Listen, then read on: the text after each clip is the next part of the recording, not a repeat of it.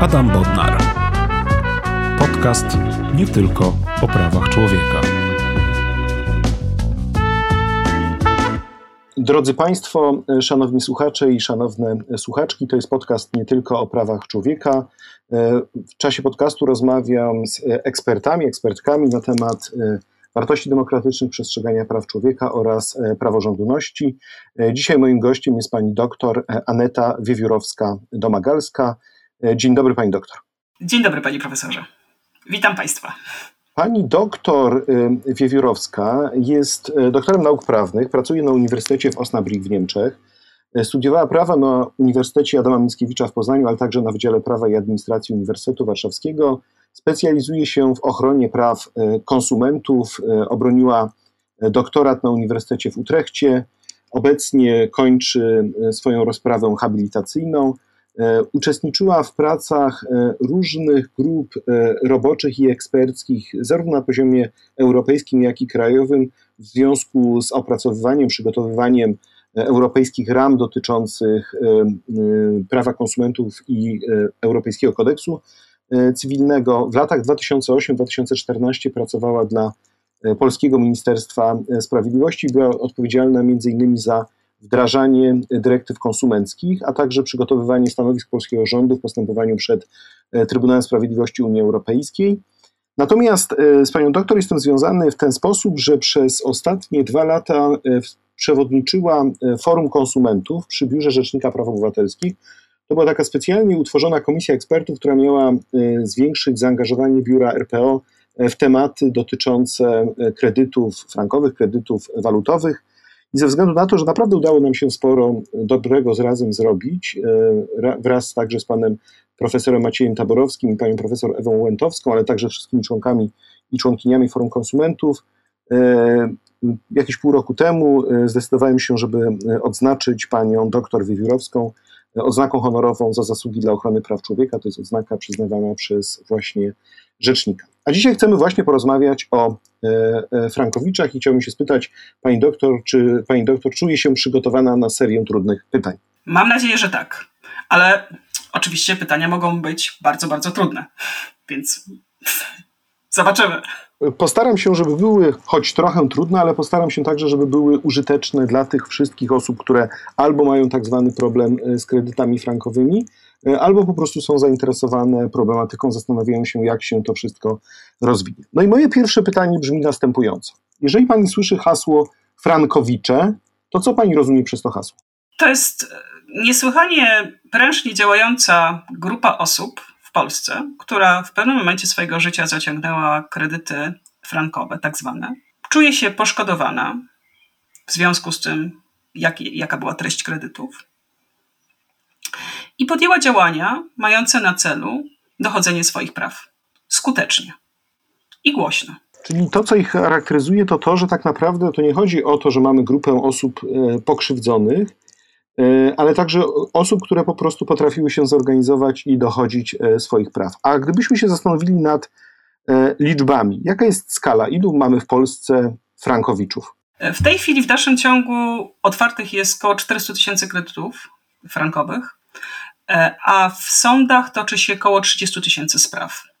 Także z, trudno właściwie, trudno by dokładnie powiedzieć, ile e, osób w tej chwili wciąż jest stroną umów frankowych, dlatego że przy jednym kredycie mogło być, mogła być jedna osoba, mogło być dwie, mogły być trzy. E, tutaj liczby były, liczby były różne, natomiast to jest w dalszym ciągu duża grupa osób, liczna. Ale rozumiem, że obecnie tych kredytów zawisłych jest, e, czy tych do spłacenia jest 400 tysięcy, ale wcześniej było tych kredytów znacznie więcej, że część z tych kredytów zostało spłaconych. Dużo, dużo, dużo więcej. W ogóle kredytów z ryzykiem walutowym, czyli nie tylko y, we frankach, było prawie milion w sumie zaciągniętych. Także y, większość, zdecydowaną większość z nich stanowiły kredyty frankowe. Także ta liczba zdecydowanie spadła, choć w dalszym ciągu jest znacząca. Czyli gdybyśmy przemnożyli mm, ten milion kredytów przez powiedzmy przeciętne gospodarstwo domowe trzyosobowe, to mamy dotknięte tym tematem, tym problemem około 3 milionów osób w Polsce, czyli jakieś 8% e, społeczeństwa polskiego. Tak. to bardzo, bardzo dużo i nie bez przyczyny tyle o Frankowiczach dyskutujemy. Natomiast ja rozumiem, że obecnie spraw, które są w sądach, tak jak pani powiedziała, jest 30 tysięcy, ale jeżeli na przykład te sprawy zaczęłyby się kończyć dobrymi rezultatami, to tych spraw może być znacznie więcej, bo przecież nie ma przeszkód, żeby E, kolejne osoby z tych 400 e, tysięcy zawisłych kredytów frankowych zaczęły też podnosić różne roszczenia e, i, i próbować unieważniać umowy. Ale te, te sprawy kończą się pozytywnymi dla kredytobiorców rezultatami. W tej chwili zdecydowana, zdecydowana większość spraw jest wygrywana przez konsumentów. I tutaj, jeśli mówię zdecydowana większość, to mam na myśli ponad 90%. Znaczy, oczywiście to w zależności od tego, kto podaje dane, jaka jest metodologia, e, czy bierzemy pod uwagę pierwszą instancję, czy drugą, czy zakończone, czy. Od... Natomiast zdecydowana większość spraw, które trafiają w tym momencie do sądów i kończą się wyrokami, są korzystne dla konsumentów. E, są inne powody, które powodują, że nie wszyscy chcą iść do sądu.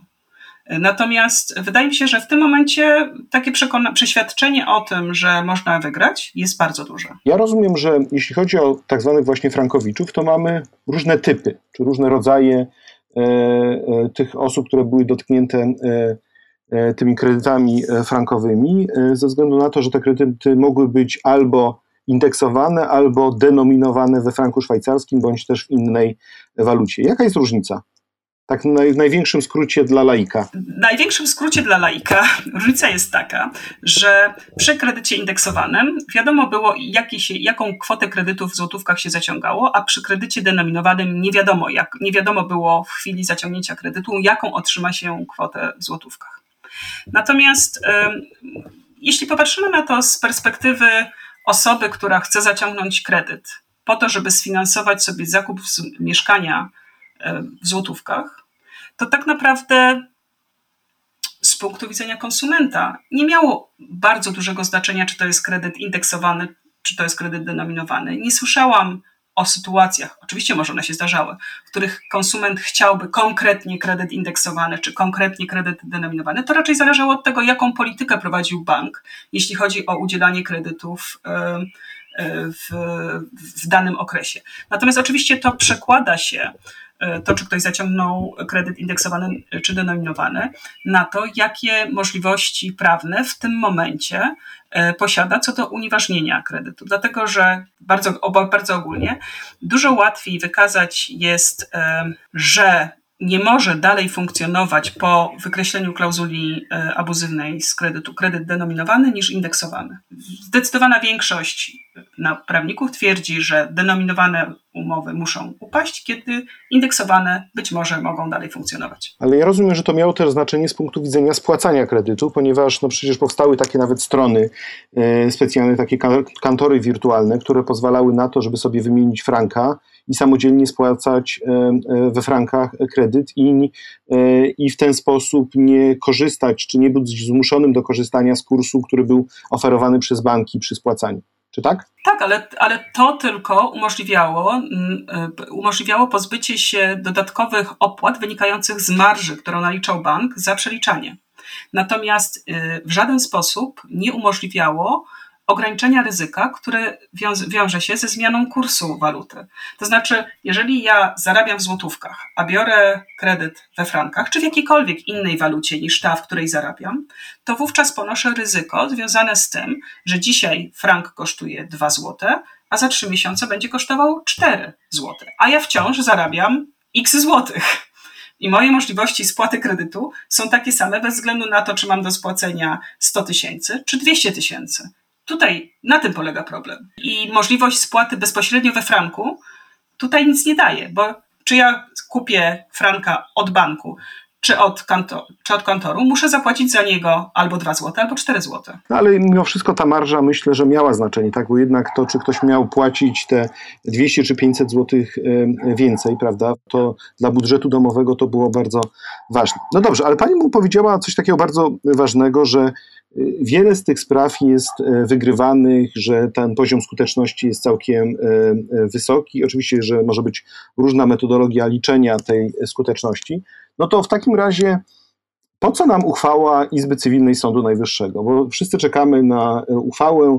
Sąd Najwyższy już się raz zebrał, obradował, obradował. Było wielkie napięcie jak u Hitchcocka, po czym się skończyło tym, że zaprosił kilka instytucji, w tym nie tylko Rzecznika Praw Obywatelskich, ale także Rzecznika Praw Dziecka do przedstawienia e, opinii prawnej e, i stanowiska w tej sprawie. Ale tak naprawdę to, jakbyśmy się tak sprowadzić to do poziomu e, takiego zwyczajnego odbiorcy naszej rzeczywistości krajowej, to po co nam w ogóle jest ta uchwała Izby Cywilnej? Znaczy, ja chciałam zacząć od małego sprostowania. U Hitchcocka wybucha bomba, a tutaj tylko było zawiadomienie o bombie. No to jednak są różne scenariusze. E, powiem szczerze, e, nie wiem, po pierwsze nie wiem, czy dojdzie do tej uchwały. Może dojdzie, może nie dojdzie. Dzisiaj, e, dzisiaj e, Zgromadzenie Sędziów Izby Cywilnej Sądu Najwyższego wydało komunikat, że odracza obrady do czasu zakończenia postępowań toczących się przed TSUE więc nie należy się mm, spodziewać, że ewentualna uchwała zapadnie szybko. Natomiast e, z drugiej strony, wydaje mi się, że ona nie będzie miała, jeśli w ogóle zapadnie, to nie będzie miała tak wielkiego znaczenia, jakie stara się jej przypisać w dyskursie publicznym. Dlaczego? Dlatego, że ogromna ilość kwestii dotycząca kredytów frankowych została już wyjaśniona i została wyjaśniona przez TSUE. W tym momencie, moim zdaniem, zostały dwie, trzy kwestie. Po pierwsze, to, czy kredyt y, indeksowany, denominowany po usunięciu klauzuli przeliczeniowej może dalej trwać, bo to jest kwestia prawa y, krajowego. Po drugie, jeżeli okaże się, że umowa musi upaść, to w jaki sposób dokonuje się rozliczenia? I trzecia kwestia związana z wynagrodzeniem za korzystanie z kapitału.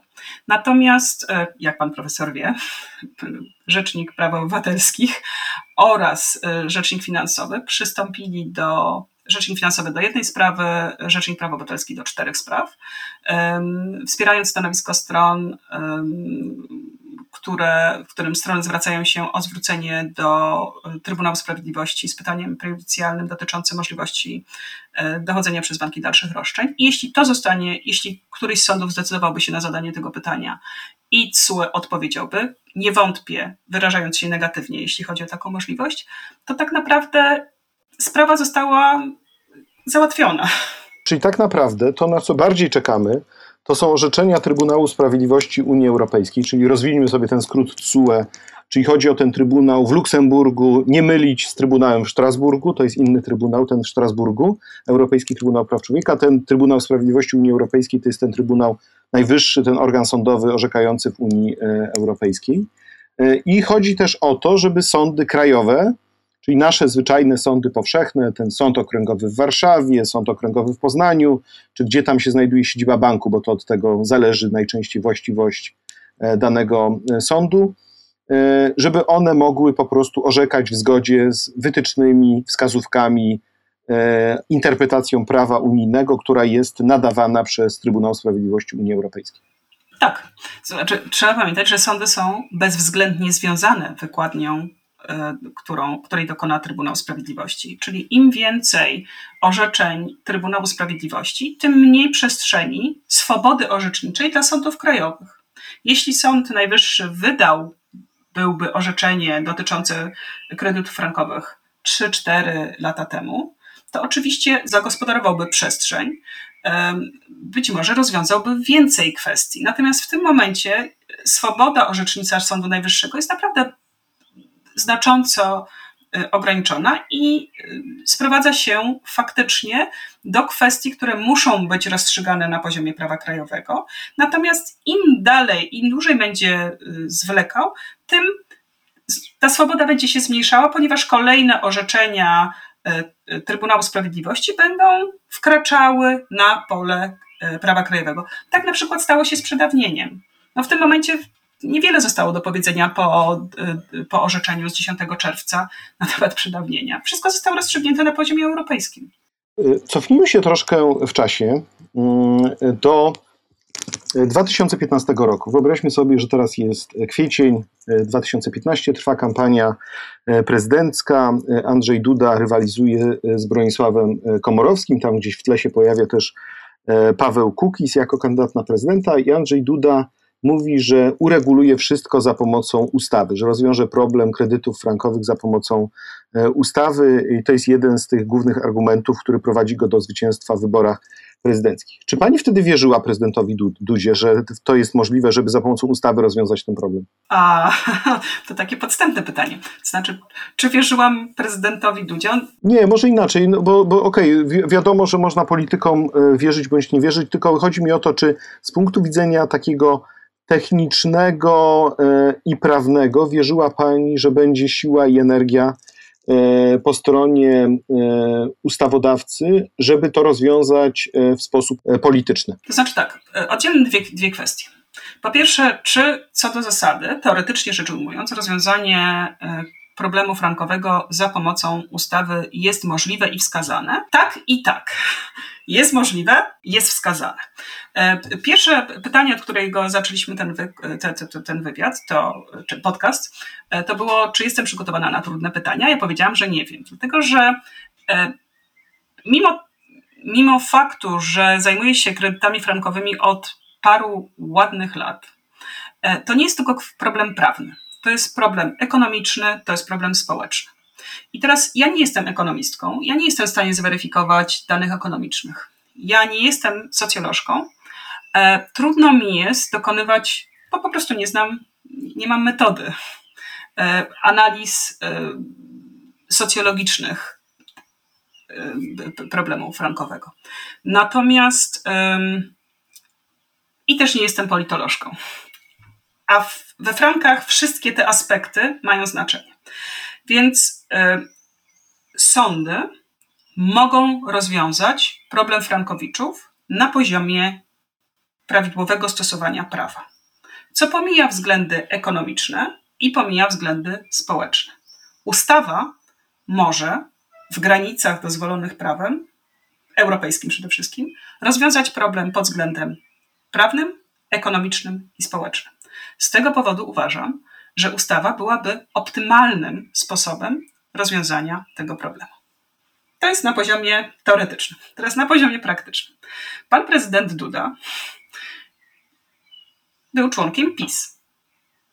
Jeżeli cofniemy się i prześledzimy historię rozwoju problemu frankowego, to jego koledzy partyjni byli bardzo zaangażowani e, w to, żeby bronić prawa do zaciągania kredytów e, walutowych, ponieważ one były tańsze po prostu e, i sprzeciwiali się ograniczeniu akcji kredytowej, jeśli chodzi o waluty obciążone ryzykiem walutowym. I teraz trudno tak z politycznego punktu widzenia wyobrazić sobie, że prezydent pochodzący z partii, która doprowadziła do problemu, chociaż może to właściwie byłoby świetne, rozwiązuje problem, który partia w jakiś sposób stworzyła. Natomiast niewątpliwie jest to majsterszczyk z punktu widzenia politycznego, że proponuje się rozwiązanie problemu, które stworzyła e, moja partia, tak? a następnie się i tak tego nie robi. No ale to już jest inna historia.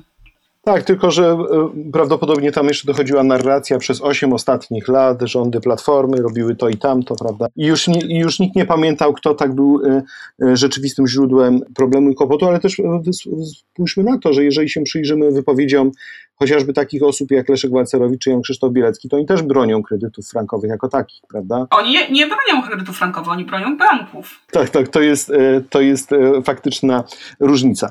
E, no dobrze, ale to w takim razie ja jeszcze miałbym takie pytanie, czyli można byłoby powiedzieć, że jak już było wiadome w 2016 roku, że nie ma szans na ustawę, bo z różnych powodów, tych właśnie społecznych, politycznych, ekonomicznych, może to być trudne, to, to rację miał Jarosław Kaczyński mówiąc, ludzie idźcie do sądów. W sądach sobie poradzicie, sądy będziecie te spory rozstrzygali. Tak, oczywiście. No, ja, ja, ja, ja jestem wychowana na prawie europejskim. Prawo europejskie to jest takie prawo, które zasada opiera się na założeniu, że prawo ma funkcjonować tak blisko swojej treści normatywnej, jak to jest możliwe. Czyli jeśli mam jakieś prawo, to jakieś uprawnienie, to go dochodzę w sytuacji, w której moje prawo zostało naruszone. E, natomiast e, problem oczywiście polega na tym, że polskie sądy nie były przygotowane ani merytorycznie, ani organizacyjnie na tak olbrzymią ilość e, spraw. I to są sprawy trudne. W ogóle prawo europejskie jest trudne. Prawo europejskie to jest bardzo skomplikowany mechanizm, którego nasi sędziowie jeszcze nie poznali. Dobrze. Uczą się, ale to trwa to trwa i myślę, że to nie jest tylko kwestia oczywiście uczenia się e, na przykładzie e, umów e, konsumenckich, ale też chociażby w kontekście ochrony środowiska, czy w, w kontekście także różnych uprawnień w sferze procedury karnej. Tam też się pojawia sporo różnych ciekawych nowych argumentów i związanych z prawem europejskim. Natomiast tutaj faktycznie E, dzięki temu, że te sprawy były prowadzone w sądach i że mm, sędziowie zdecydowali się na zadawanie pytań prejudycjalnych, e, tu może dla tych osób niezorientowanych pytania prejudycjalne to są takie pytania, że jak sąd ma przed sobą e, sprawę na biurku i widzi, że ma jakieś zagadnienie, które wymaga zbadania i, i porównania przepisów krajowych z przepisami prawa unijnego, to wtedy teoretycznie rzecz biorąc ma obowiązek zadać pytanie, czyli wysłać takie pytanie profesjonalne do E, Luksemburga, e, pytając się, drogi Luksemburgu, drogi Trybunale Sprawiedliwości, jak mam to interpretować? Wtedy Trybunał odpowiada i sąd jest związany e, interpretacją. Tak to w skrócie rzecz biorąc działa. Czyli pytamy się tego nie tylko mądrzejszego, ale pytamy się też tego, który ma zapewnić jednolitą interpretację całego prawa na terytorium Unii Europejskiej. No ale tutaj właśnie te pytania prejudycjalne się pojawiły i taką kluczową sprawą okazała się sprawa państwa dziubaków. E, sprawa dotycząca kredytu zaciągniętego w banku Raiffeisen, e, która no, jest uznawana za jeden z takich e, kroków milowych, jeśli chodzi zarówno o rozwiązywanie problemu kredytów frankowych, jak również jeśli chodzi o takie uzmysłowienie ludziom, po co w ogóle mają Trybunał Sprawiedliwości Unii Europejskiej. Znaczy, ja bym powiedziała z mojego punktu widzenia, że sprawa dziubaków ma przede wszystkim wymiar psychologiczny. E, I nie tylko, to nie tylko tak jak, e, jak, jak pan profesor powiedział, nie tylko dla konsumentów, którzy uświadomili sobie, po co jest SUA, ale również dla sądów. Dlatego, że ona nie, nie, przedstawiła jakichś rewolucyjnych, zmieniających dotychczasową linię orzeczniczą rozwiązań. To jest po prostu stabilna kontynuacja tego, co było wcześniej. Natomiast dla polskich sądów to było, pierwszy, to było pierwsze rozstrzygnięcie w sprawach frankowych, w, sprawie, w pytaniu prejudycjalnym zadanym przez polski sąd e, i nagle świat się zmienił.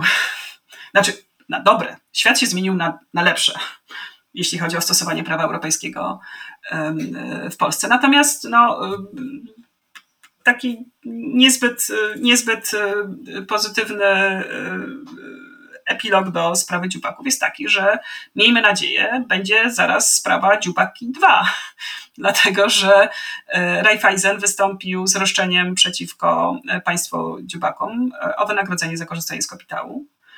Sprawa się toczy, Rzecznik Praw Obywatelskich przystąpił i zostały złożone w tej sprawie trzy wnioski o zadanie pytania prejudycjalnego o dopuszczanie takiego roszczenia. Miejmy nadzieję, że to się skończy trochę na zasadzie tej walki e, Dawida z Goliatem, że jednak ten Dawid wyposażony w procę, e, która e, jest zaopatrzona w takie mocne, silne kamyki prawnicze, wiedzy prawniczej, jednak z tym Goliatem w postaci banków wygra. Ale ja rozumiem, że ten Goliat to nie jest tylko jeden bank Raiffeisen, ale cała grupa banków, która nie tylko ma portfel kredytów, ale też e, wspiera się wzajemnie e, w ramach działalności Związku Banków Polskich i Związek Banków Polskich od lat e, prezentuje taką postawę, że najpierw, tak sobie przypominam przynajmniej, że najpierw protestował przeciwko jakiejkolwiek próbie uregulowania ustawowego kredytów, później myślę, że jednak stawiał bardzo takie mocne, zdecydowane stanowisko w kontekście zbliżania się do wyroku w sprawie Dziubak.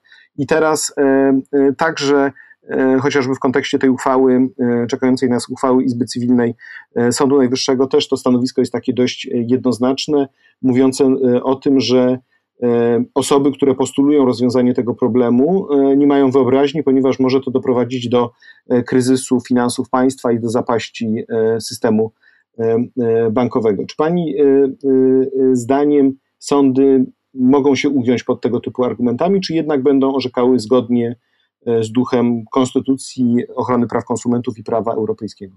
Chciałabym zacząć od, od, od sprostowania.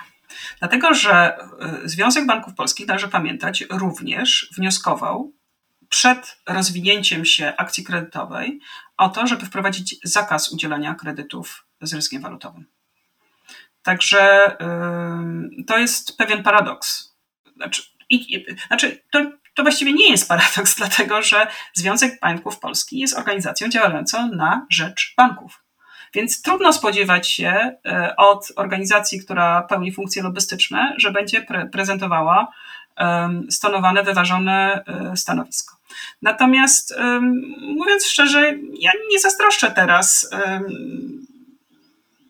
pracy przedstawicielom Związku Banków Polskich, dlatego że oni tracą kawałek po kawałku z każdym kolejnym orzeczeniem TSUE kolejną linię argumentacyjną, którą proponowali. E, natomiast e, te argumenty ekonomiczne, które są prezentowane nie tylko przez, przez Związek Banków Polskich, ale też przez wielu ekonomistów, przez prawników. No, mamy dzisiaj, dzisiaj, dzisiaj opublikowany niesłychany artykuł sprawozdający konferencję, którą zorganizował Związek Banków Polskich. Tak, która właściwie na której były prezentowane takie tezy, jakby prawo europejskie, jego stosowanie było kwestią wyboru. Stosujemy bądź nie, jeśli nam nie, nie odpowiada. Argumenty oparte na ekonomii nie powinny mieć znaczenia w indywidualnych sprawach. Natomiast czy naszemu rynkowi grozi zapaść na skutek e, rozwiązania e, spraw frankowych? No, nie mam pojęcia, gdyż nie jestem ekonomistką. Nie jestem w stanie zweryfikować danych ekonomicznych, które są pod, podawane na potwierdzenie tej tezy.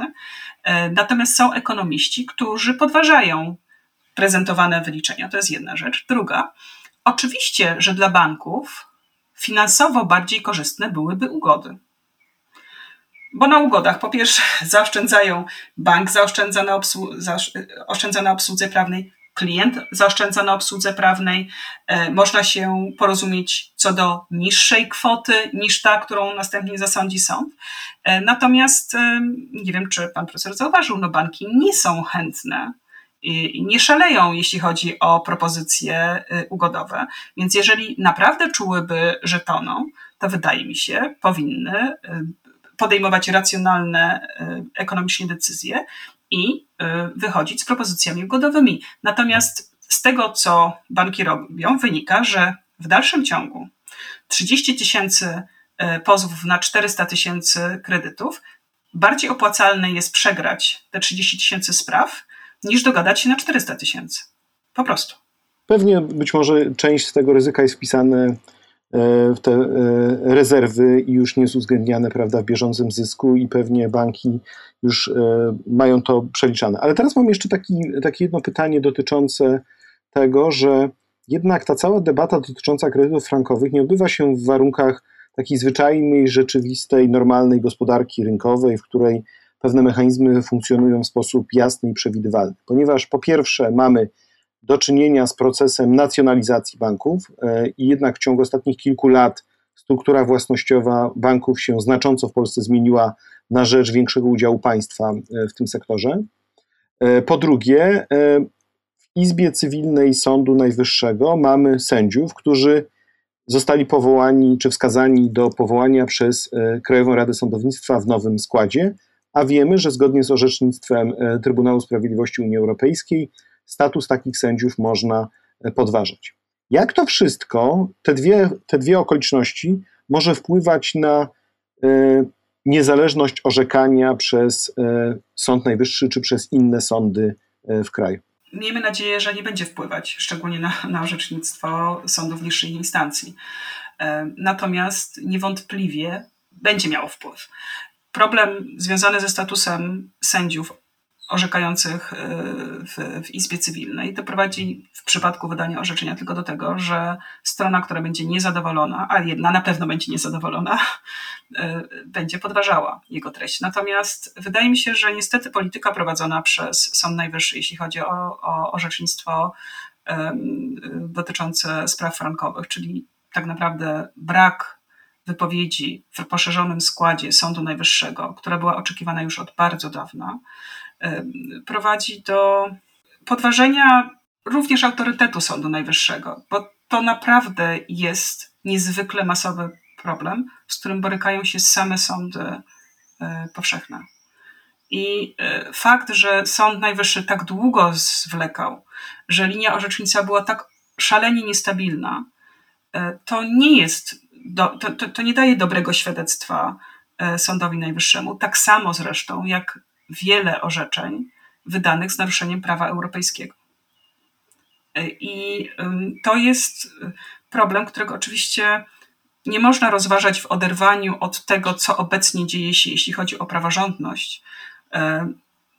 Ale z drugiej strony należy pamiętać, że to samo prawo europejskie broni e, niezależności sędziów, co uprawnień konsumentów.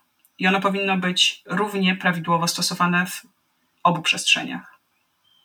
A czy wyobraża sobie, bo ja bym jeszcze wrócił do tej kwestii nacjonalizacji e, banków.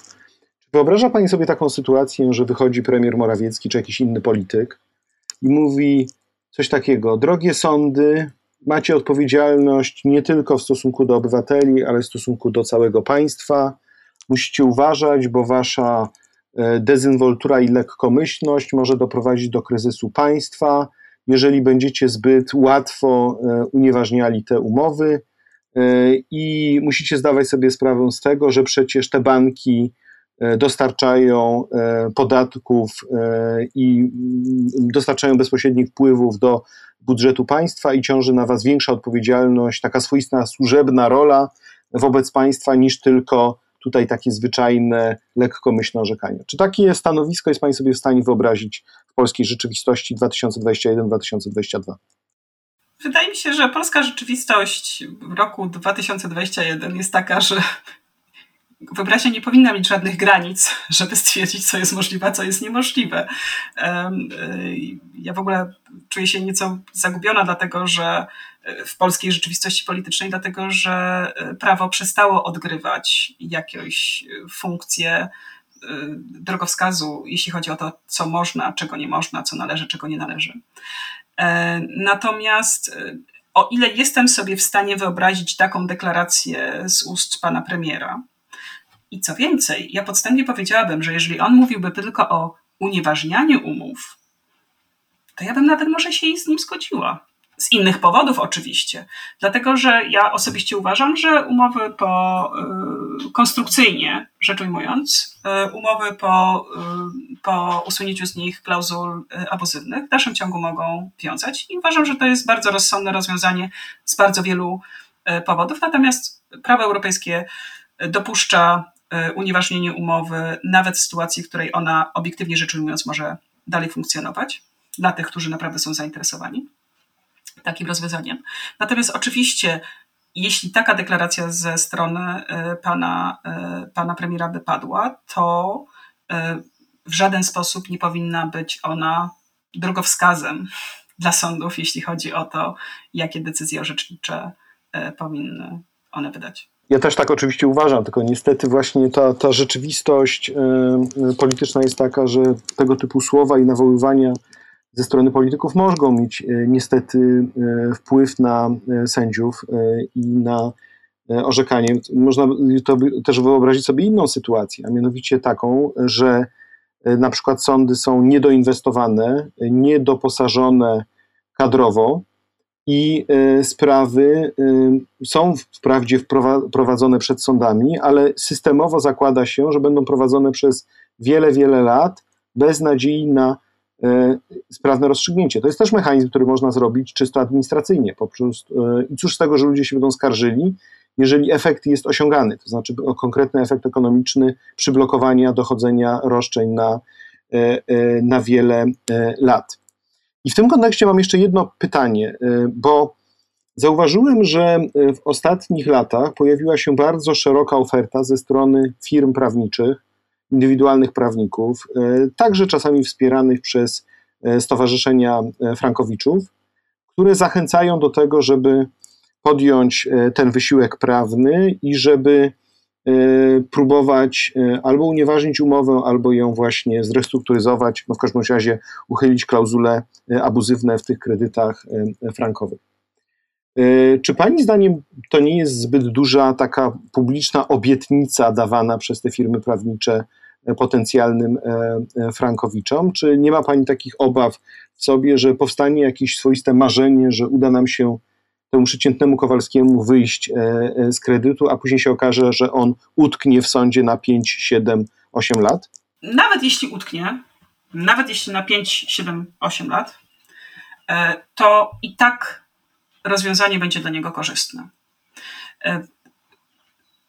Moim zdaniem problem frankowy umożliwił, uruchomił mechanizm, mechanizmy prawa konsumenckiego w Polsce a do uruchomienia doszło tylko li i wyłącznie dlatego, że chodzi tutaj o duże kwoty. Co wiąże się z opłacalnością prowadzenia tego typu spraw konsumenckich przez firmy prawnicze, profesjonalnych reprezentantów. Gdyby odpadł ten element opłacalności, tak jest na przykład przy drobnych pożyczkach. E, tam, tam dzieją się rzeczy straszne drobne firmy pożyczkowe naprawdę, naprawdę nadużywają, wykorzystują trudne, trudne położenie, w którym są osoby, które tego typu e, produktów finansowych potrzebują. Pozdrawiamy sędziego Rafała Cebulę, który jako jeden z nielicznych właśnie poprzez pytania prejudycjalne właśnie walczy z tymi e, firmami pożyczkowymi i naprawdę dostrzega tę wszystką, całą abuzywność, która się e, w nich pojawia. Ale wracamy do wątku. Pan sędzia Cebula, jastrząb prawa europejskiego. Naprawdę świetne pytania prejudycjalne, doskonałe rozstrzygnięcia. Fantastyczna, fantastyczna postać. Natomiast bez e, profesjonalnej reprezentacji Frankowicze nie byliby w stanie e, dochodzić swoich praw. Oczywiście przy takiej masie spraw, przy takiej masie firm dochodzi do e, nadużyć. I okazuje się, że również firmy, które reprezentują, firmy prawnicze, które reprezentują Frankowiczów, E, w, w, umowach, które one zawierają ze swoimi, e, swoimi klientami, mają na przykład klauzule abuzywne. E, wiem, że już interesował się tym UOKiK. Natomiast to jest zupełnie, znaczy to jest inna kwestia. Co do zasady powiedziałabym, jeśli ktoś ma kredyt frankowy, to tak oczywiście powinien próbować usunąć z niego klauzule abuzywne i szansa na to, że mu się uda, jest niezwykle duża. No ale te 5-7 lat to jest długi okres, tak? To, to jest 5 lat ciągłego spłacania kredytu e, i ciągłego myślenia o tym, że e, może się uda z tego wyplątać, e, a przecież takie kancelarie pobierają zazwyczaj opłaty na wstępie, tak? One mówią, no jednak musimy nasze koszty z czegoś pokryć. Ja po prostu zaczynam się na taki, mnie to trochę dziś zastanawia, że oczywiście my wpadamy w pewne takie kolejny nieprzygotowanych pod względem technicznym i organizacyjnym sądów i czy znowu e, na bazie tego marzenia, które było wywołane przez sprawę Dziubak i inne sprawy e, rozstrzygnięte przez Trybunał Sprawiedliwości Unii Europejskiej, ale także kazusy te już krajowe,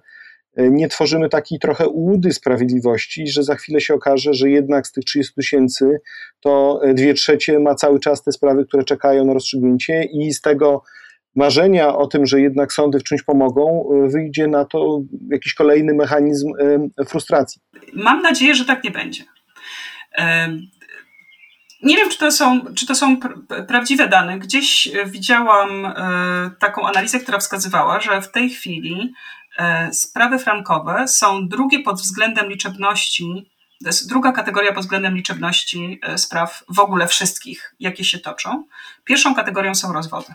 Z tego, z, tego, z tego powodu, z powodu tego problemu, który zapewne się pojawi, ponieważ zakładam, że spraw frankowych będzie więcej i więcej, e, a sądy, sędziowie, którzy orzekają sprawę, na przykład mają w swoim referacie 800 czy 900 spraw. No, to, to, to moim zdaniem przekracza ludzkie możliwości prowadzenie, e, normalne prowadzenie postępowań przy takim, przy takim obciążeniu pracą. Natomiast e, również z tego powodu rozwiązanie ustawowe, systemowe byłoby bardziej korzystne. Bądź też choćby rozwiązania systemowe zaproponowane przez banki, czy ugodowe, czy, czy proponowane, orkiest, za, zaaranżowane przez Łokik. No, są, problem, są możliwości wyjścia e, z, z tej sytuacji, albo na przykład większe wykorzystanie e, procesów grupowych, które w, te, w tej chwili nie są wykorzystywane e, wystarczająco, chociaż no, jeden się zakończył, drugi się toczy, chyba więcej. Ale ten, ten, który się toczy, ma 5 tysięcy członków grupa, więc to jest naprawdę duży, bardzo duża sprawa, tak? E, natomiast oczywiście, że przewlekłość tych spraw będzie rodziła frustrację i będzie prowadziła do tego, że ludzie będą obwiniali sądy za to, że y, nie dostają sprawiedliwości dostatecznie szybko. Natomiast tak jak mówię, no, przy takiej ilości spraw i przy takim obciążeniu sądów i przy takiej małej wydolności administracyjno-organizacyjnej sądów, która tutaj reforma na pewno jest potrzebna, no, może to prowadzić do frustracji, choć z drugiej strony, nawet jeśli człowiek będzie spłacał 5 lat jeszcze kredyt zamiast 15, to i tak uważam, że to jest dobry interes. Absolutnie się zgadzam, przy czym ja bym chciał dodać e, od siebie, że jak się w Polsce dyskutuje na temat przywracania praworządności, to główna uwaga skupia się na tych nowych nominacjach sędziowskich, e, na statusie Krajowej Rady, Sądownictwa, statusie Sądu Najwyższego, oczywiście także Trybunału Konstytucyjnego. I oczywiście słusznie, tak, jestem absolutnie zdania, że to jest, e, że to jest fundamentalne, gdyż od tego zależy postawienie naszego systemu prawnego na nogi i, i, i tego, żebyśmy prawo zaczęli traktować znowu na poważnie. Natomiast ja uważam, że niezależnie od tego, jeżeli by nastał jakiś nowy minister sprawiedliwości kiedyś, to myślę, że jedna z pierwszych decyzji to właśnie byłoby doposażenie kadrowe, organizacyjne e, właśnie tych wydziałach w sądach, e, które zmagają się z tymi problemami systemowymi. E, bo, bo, to nie, bo, bo jeżeli będziemy tkwili w tym obecnej strukturze, no to właśnie ten sędzia zamiast mieć, ile on może powinien mieć spraw, 200-300 w referacie, ale to jest tak dużo. E, ale, ale wyobraź sobie, 200 spraw naraz prowadzić. 200 spraw. No, ja, ja sobie tego nie wyobrażam, ale sędziowie, sędziowie są w Polsce jakoś, mam wrażenie, zupełnie inaczej przygotowani do, e, do e, takiego zarządzania swoim czasem, pisania uzasadnień i dlatego uważam, że to jest po prostu jedna z ważniejszych rzeczy, tak, że jeżeli ktokolwiek E, konkuruje o władzę w Polsce, to powinien na to zwracać uwagę. Nie tylko mówienie, zlikwidujemy taką czy inną instytucję, czy tych i tych sędziów rozliczymy, tylko właśnie doinwestujemy sądy taki sposób, aby one mogły sprawnie e, funkcjonować i to będzie pierwsza rzecz e, do zrobienia w ciągu pierwszych 100 dni rządzenia, tak? bo inaczej właśnie w tych starych kolejnach będziemy. I także tu, to jest tak samo, wiesz, bo to jest podobny problem z ustawą represyjną, czyli z tak zwaną ustawą dezubekizacyjną. Przecież sądy też są zalane tymi sprawami i też ludzie czekają miesiącami, latami na, na rozpoznanie tych, tych spraw. Natomiast tutaj w tych w sprawach frankowych i w ogóle w sprawach, które oparte są o prawo europejskie, to, o czym już wspomniałam dzisiaj, prawo europejskie jest trudne do stosowania. Znaczy, trzeba nauczyć się metody. Ona jest bardzo wymagająca i ona, ona wymaga odwagi i umiejętności. Dlaczego odwagi? Dlatego, że prawo europejskie bardzo często idzie wbrew utartym pojęciom klasycznego prawa umów, którego nauczyli się nasi sędziowie na studiach. I teraz ja, w jakimś artykule opisując ten problem powiedziałam, że sędziowie muszą być rebeliantami we własnym systemie prawa. E, w sytuacji, w której Sąd Najwyższy również nie wspomaga sędziów niższych instancji, pokazując, jak prawidłowo stosować prawo europejskie, sędziowie niższej instancji muszą podnosić merytoryczną rebelię przeciwko Sądowi Najwyższemu. To jest niesłychanie trudne i to jest niesłychanie wymagające różnego rodzaju umiejętności, nie tylko prawniczych. No do tego od lat zachęcała pani profesor Ewa Łętowska, tylko mam wrażenie, że te nauki dopiero zaczęły być pojmowane przez naszych sędziów w ciągu ostatnich e, kilku lat, a wcześniej te publikacje właśnie gdzieś były.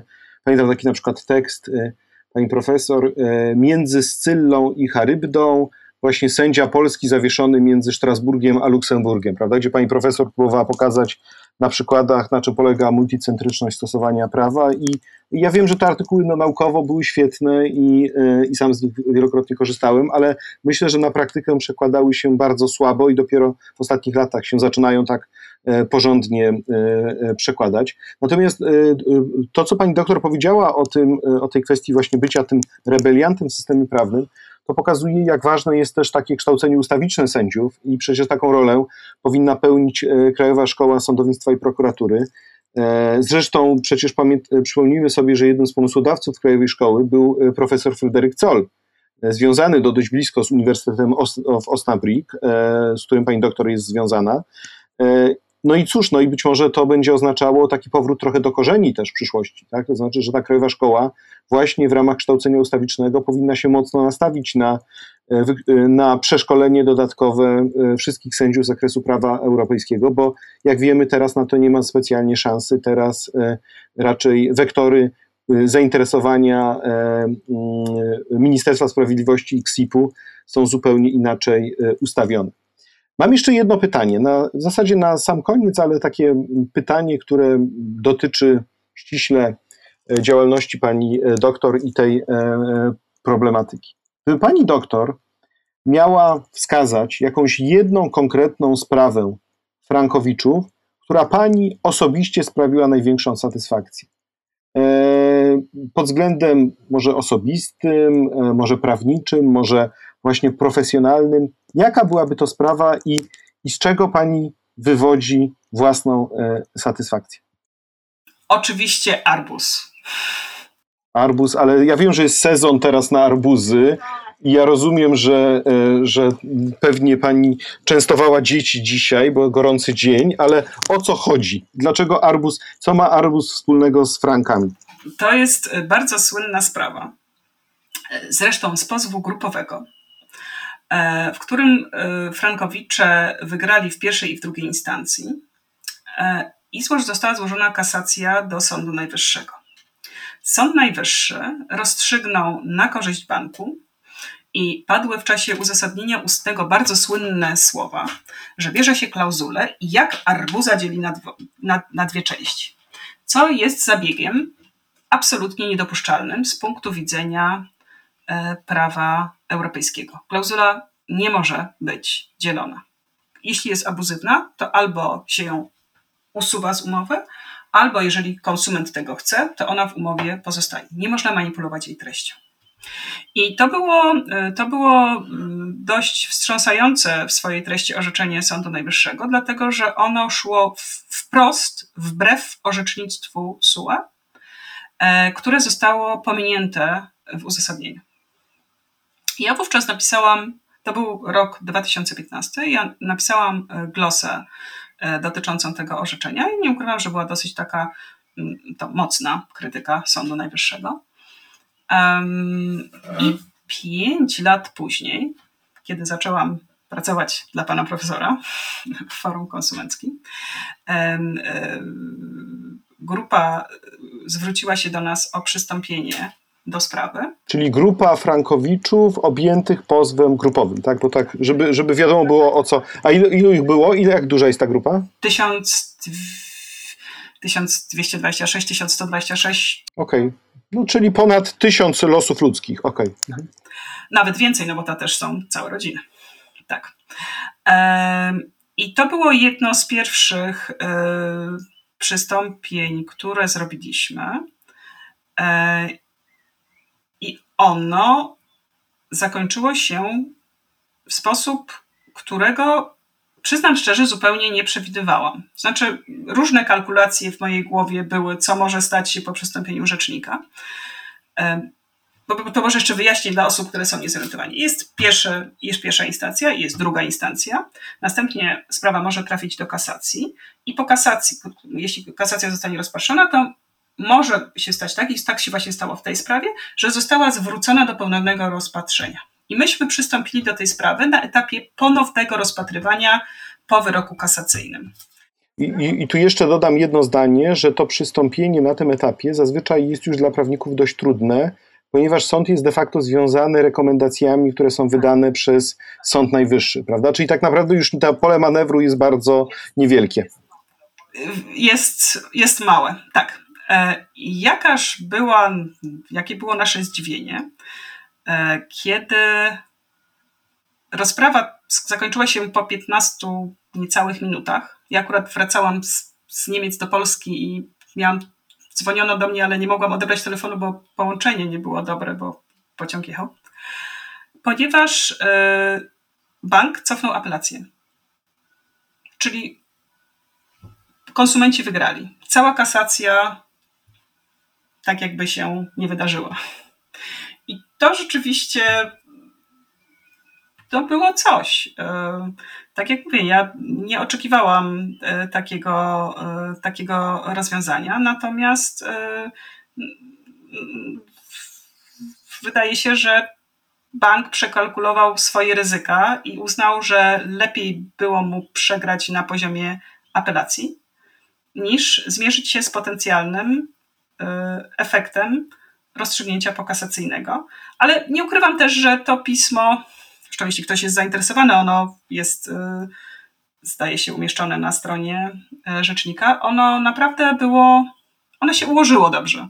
To rzeczywiście dużą przyjemność y, sprawiło mi pisanie go.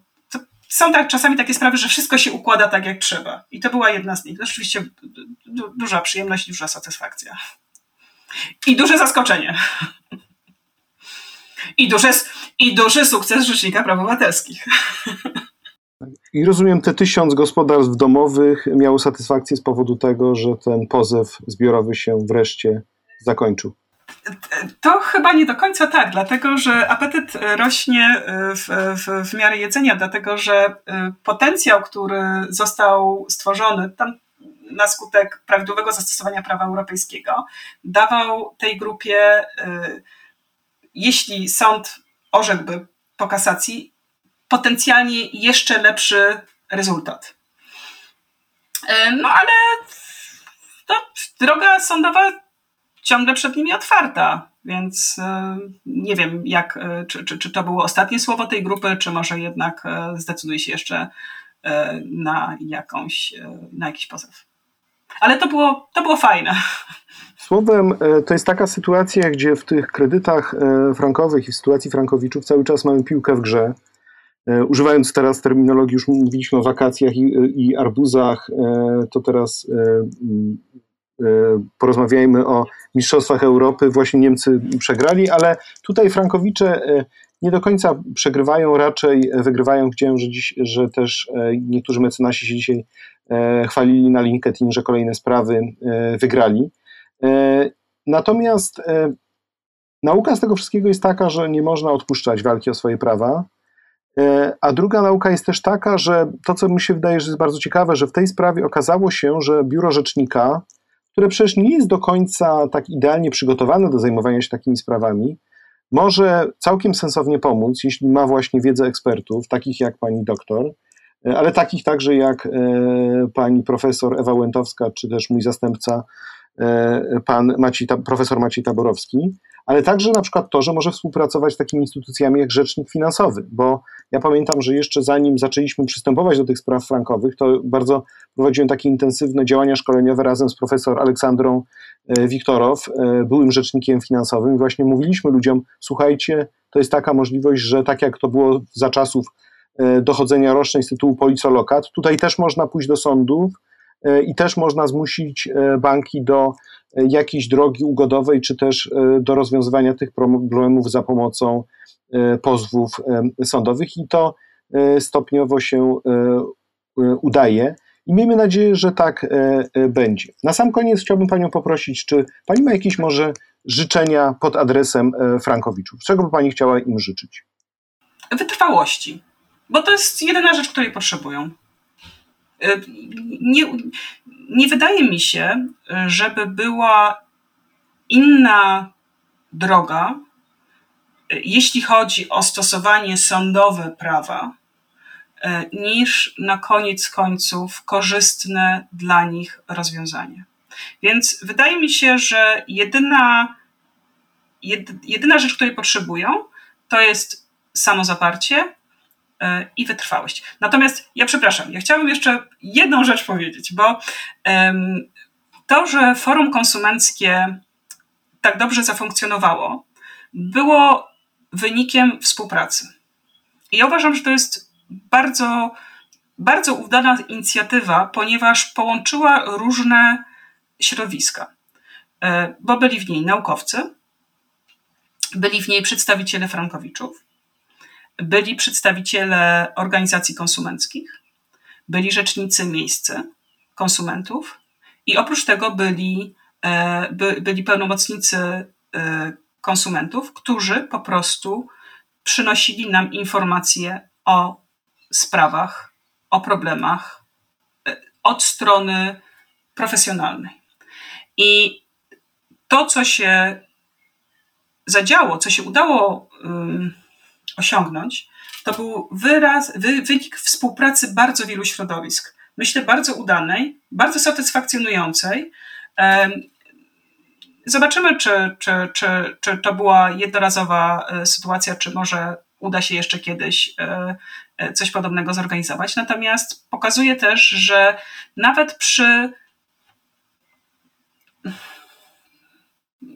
proporcjonalnie małych możliwościach, takich jak ma rzecznik w tego typu sprawach, można nieporównywalnie dużo osiągnąć. Także jeszcze raz, panie rzeczniku, gratuluję.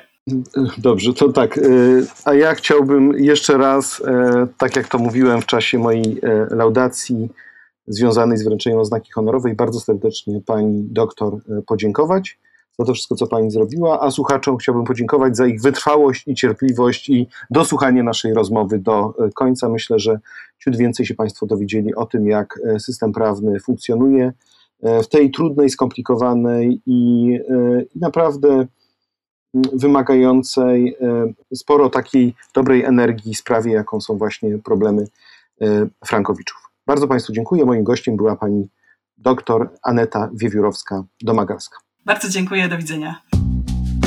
Adam Bodnar. Podcast nie tylko o prawach człowieka.